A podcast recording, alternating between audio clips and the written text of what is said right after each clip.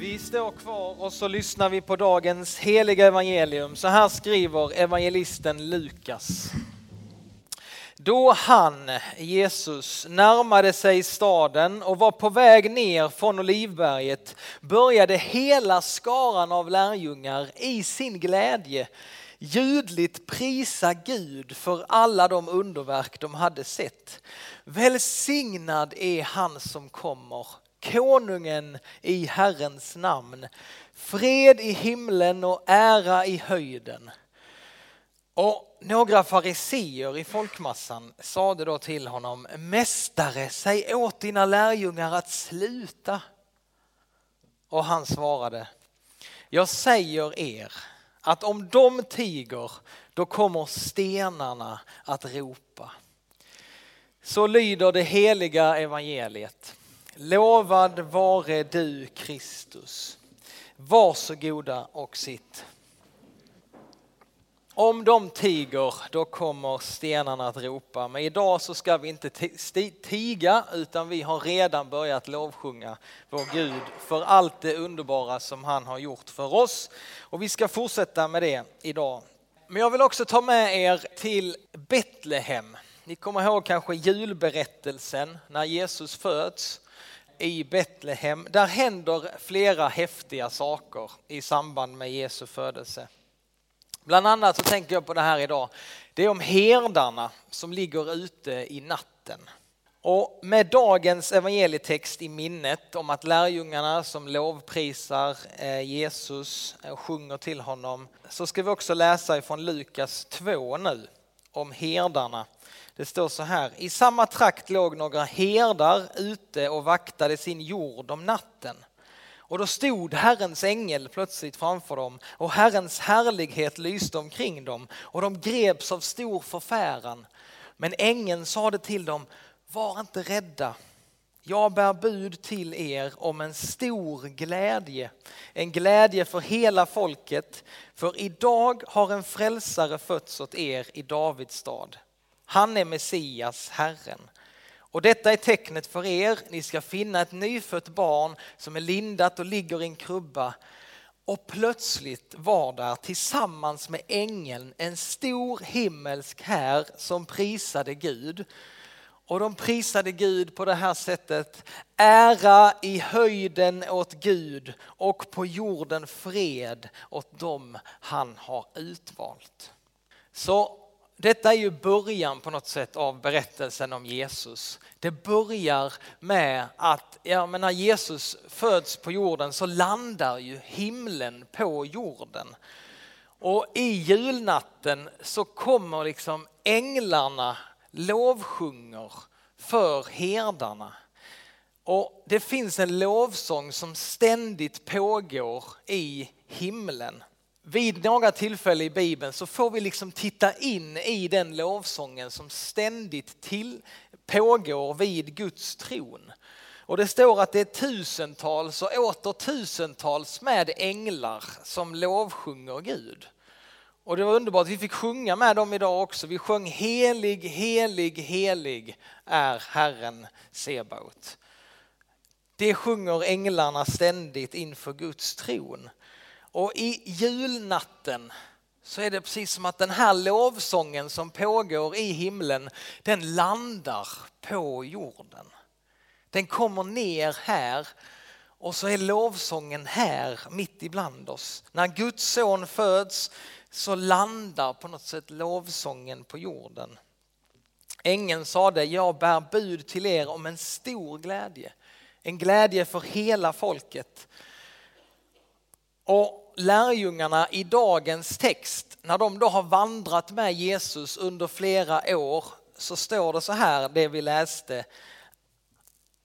Då började hela skaran av lärjungar i sin glädje så började de att prisa Gud.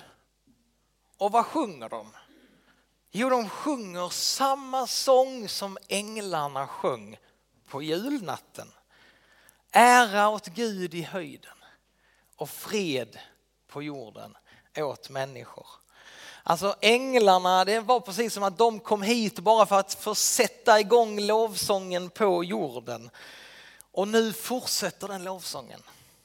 Den fortsätter, den går från hjärta till hjärta. Den landade i lärjungarnas hjärtan så att de självmant, liksom, det bara bubblade upp inom dem och de sjöng lovsången till Gud.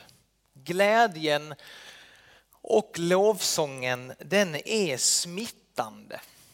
Och den går från hjärta till hjärta och den sprider sig än idag över hela vår jord. Och idag i vår gudstjänst, i vårt lilla sammanhang så får vi stämma in i den lovsången idag som pågår. Vid Guds tron men också som fyller hela jorden på något sätt. Ära vare Gud i höjden och fred på jorden åt människor. Äran åt Gud och så får vi freden. Och denna lovsången den kommer aldrig tystna. Den drar genom världen och den fyller människors hjärtan med glädje. Och den kommer fortsätta ända till den dag, dag då vi får lovsjunga tillsammans inför Guds tron i himlen. Så idag så handlar det om den här lovsången, den här tacksamheten, den här glädjen som vi kan få uppleva i våra liv. Det är det jag kommer att prata om idag. Jag hoppas jag ska vara glad också eh, när jag pratar om det här. Men jag ska försöka. Markus i alla fall, eh, när Markus, han, han, har skrivit ett evangelium om Jesus. Det finns fyra sådana här evangelium. Va? Och evangelium betyder ju det glada budskapet om Jesus. Och när Markus, han kan liksom inte vänta, när han börjar sitt evangelium så skriver han så här. Här börjar glädjebudet om Jesus Kristus, Guds son. Det är så han börjar. Här börjar, alltså detta är en berättelse om glädje. Jag ska berätta om Jesus. Det är, det är bara glädje att få berätta om honom. Det är en sån stor glädje och det är en glädje för hela folket. Det gäller alla och det är en smittande glädje. Du kan också få del av den. Och det var så den första kristna kyrkan växte fram också. Och det är så kyrkan fortsätter att växa idag. Alltså glädjen är det allra bästa evangelisationsverktyget som finns. En glädje som smittar. Och efter pingstdagen när lärjungarna samlades så kan vi läsa om hur, hur liksom den första församlingen, hur var den?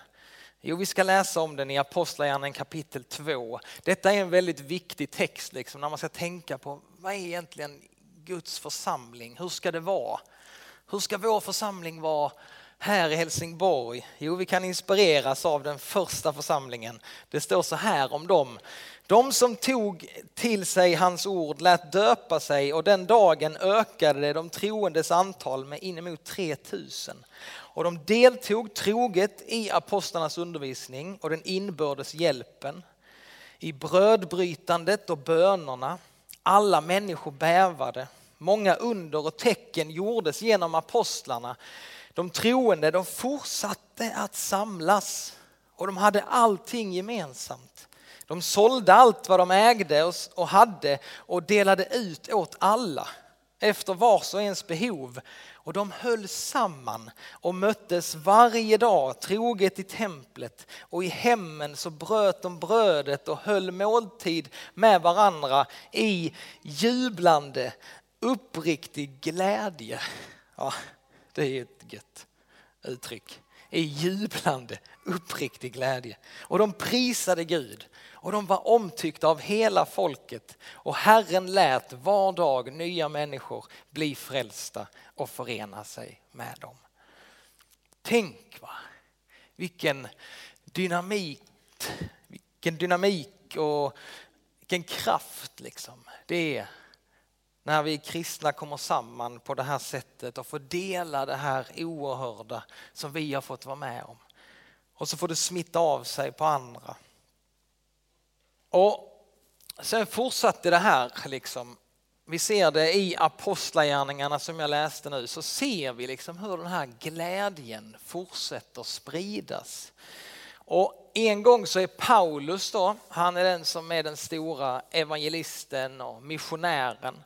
Han, han kom till ett ställe där ingen hade liksom koll på den kristna guden eller den judiska guden. För den. Alltså de hade inte koll på Bibeln. De hade inte koll på Bibelns berättelse. De visste liksom ingenting om den levande guden. Och när Paulus då ska försöka berätta berätta om den här guden för några som inte har koll på något sätt, då säger han så här i Apostlagärningarna 14, så säger han Ja men min Gud, från himlen har han gett er regn och skördetider. Han har mättat er och fyllt era hjärtan med glädje. Va? Det är han, alltså jag, jag tror på den guden som har mättat er. Han ger er årstiderna, regn, skördetider. Han har mättat er och han har fyllt era hjärtan med glädje. Alltså det här säger ju Paulus till några som inte har någon aning om vem Gud är. Vad är det för glädje liksom som Paulus menar? Troligtvis så menar han ju den här glädjen som vi kallar livsglädje.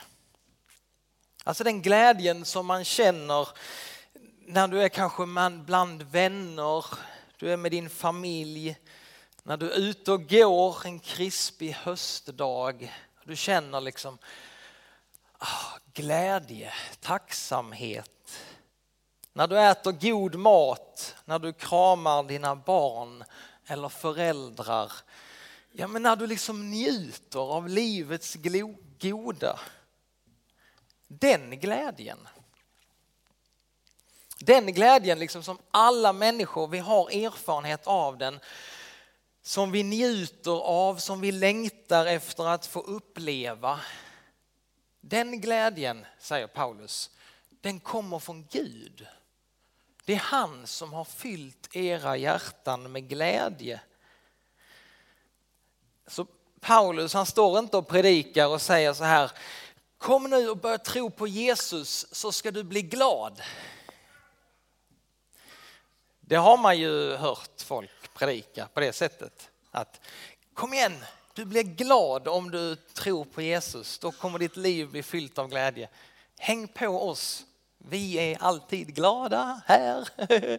Och är du inte glad så är det något fel på dig. Eh, så kan man ju i vissa kristna sammanhang att det kan vara så. Varför är inte jag glad? Någonting.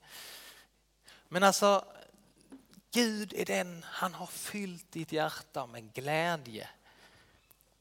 Så en okristen människas liv är grått och trist och tråkigt. Och så när man blir kristen, då blir man alltid glad. Eh, tro på Jesus så blir du glad. Jag tycker Paulus han undervisar inte riktigt om det va? på det sättet.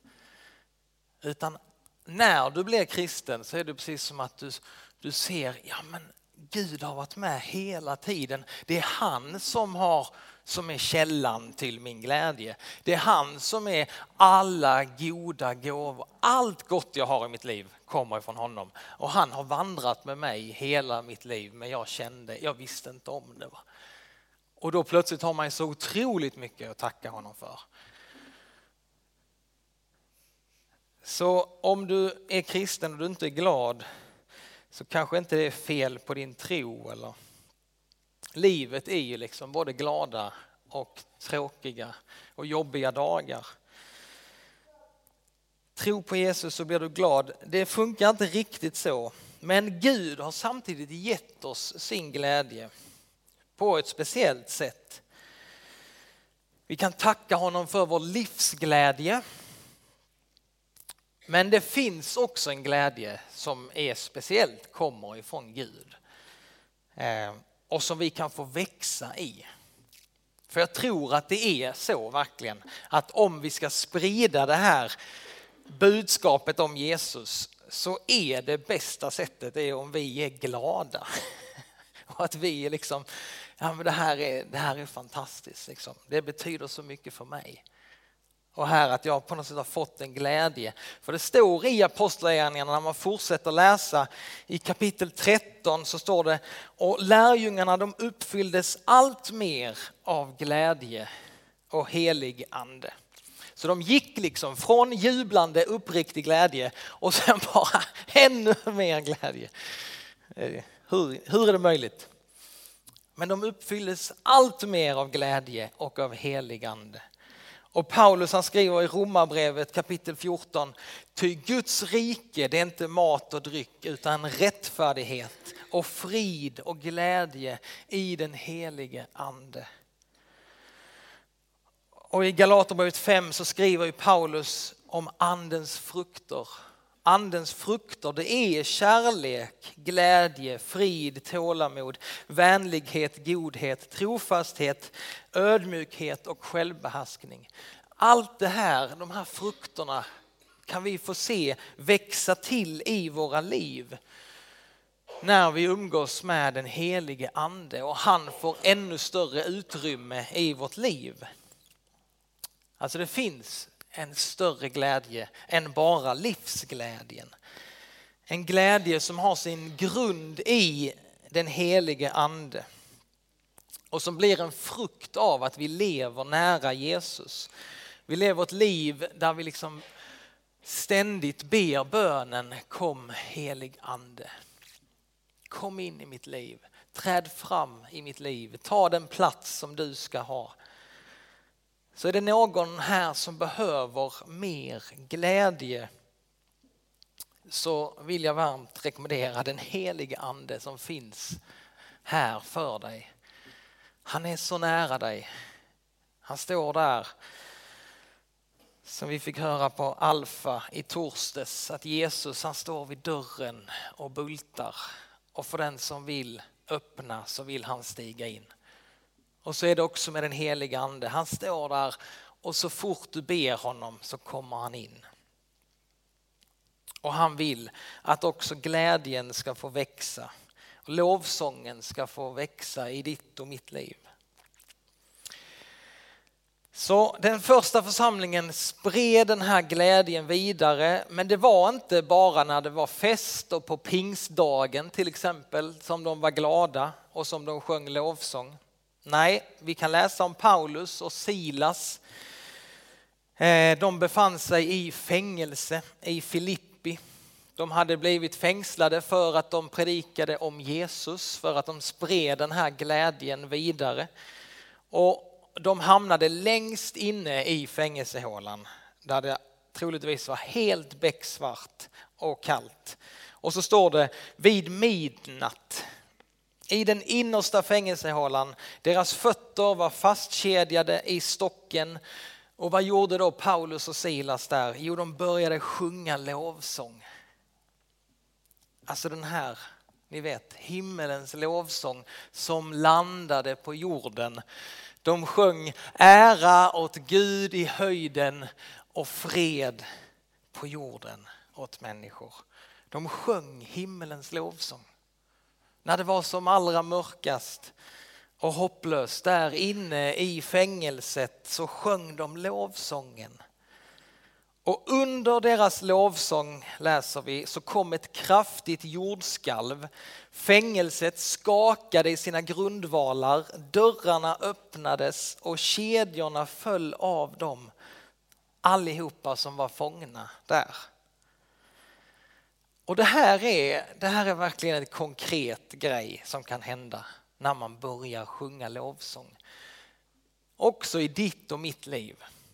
När du och jag väljer lovsången, Paulus och Silas de hade inte behövt, men på något sätt så, trots att det var som det var, så valde de att sjunga lovsång.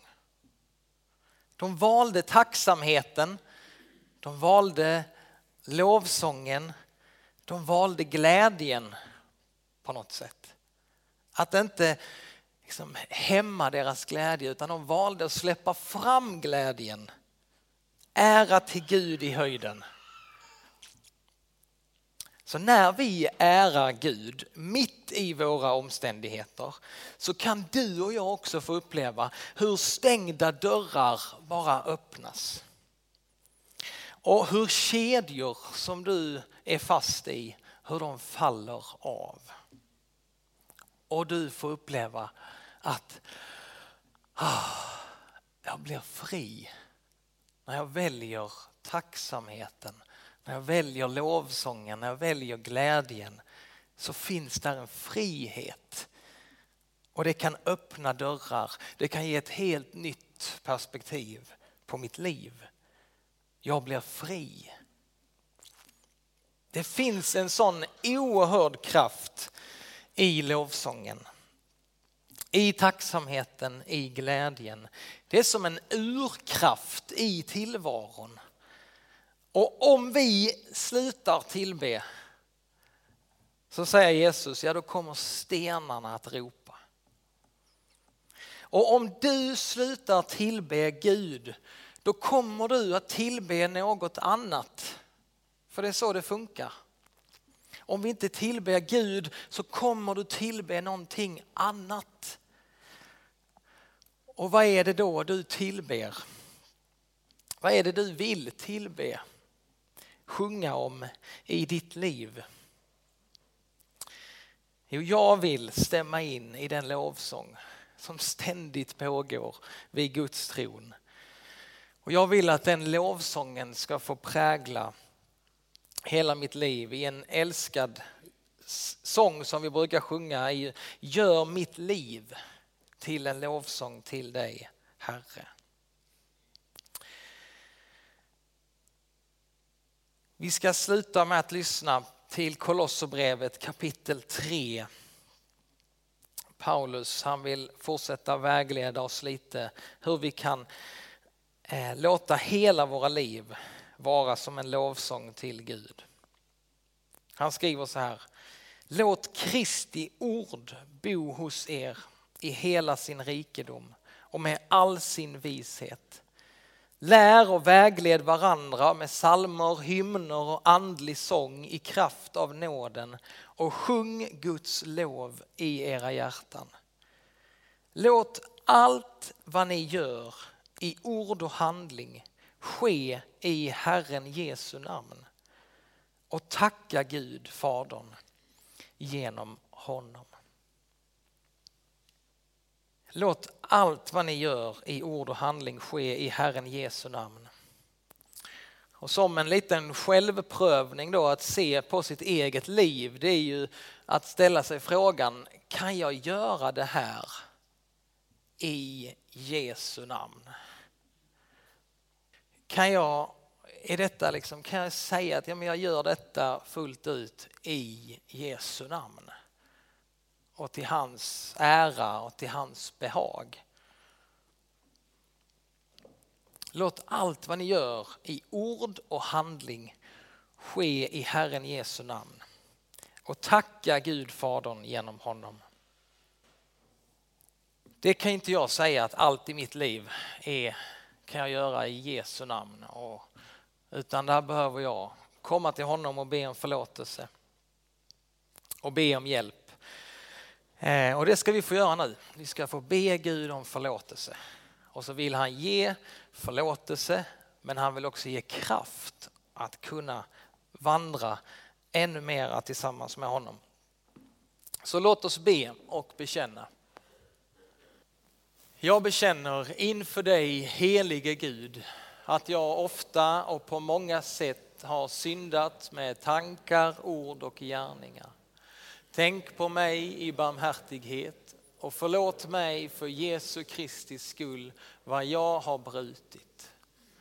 Herre, hör nu varje hjärtas tysta bön och bekännelse.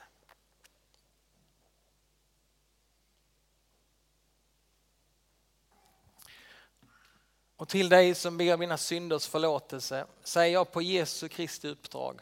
Dina synder är dig förlåtna.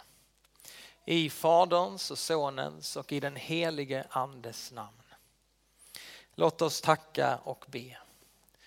Gud vår Fader, tack för att vägen till dig alltid är öppen genom Jesus Kristus. Hjälp oss att leva i din förlåtelse.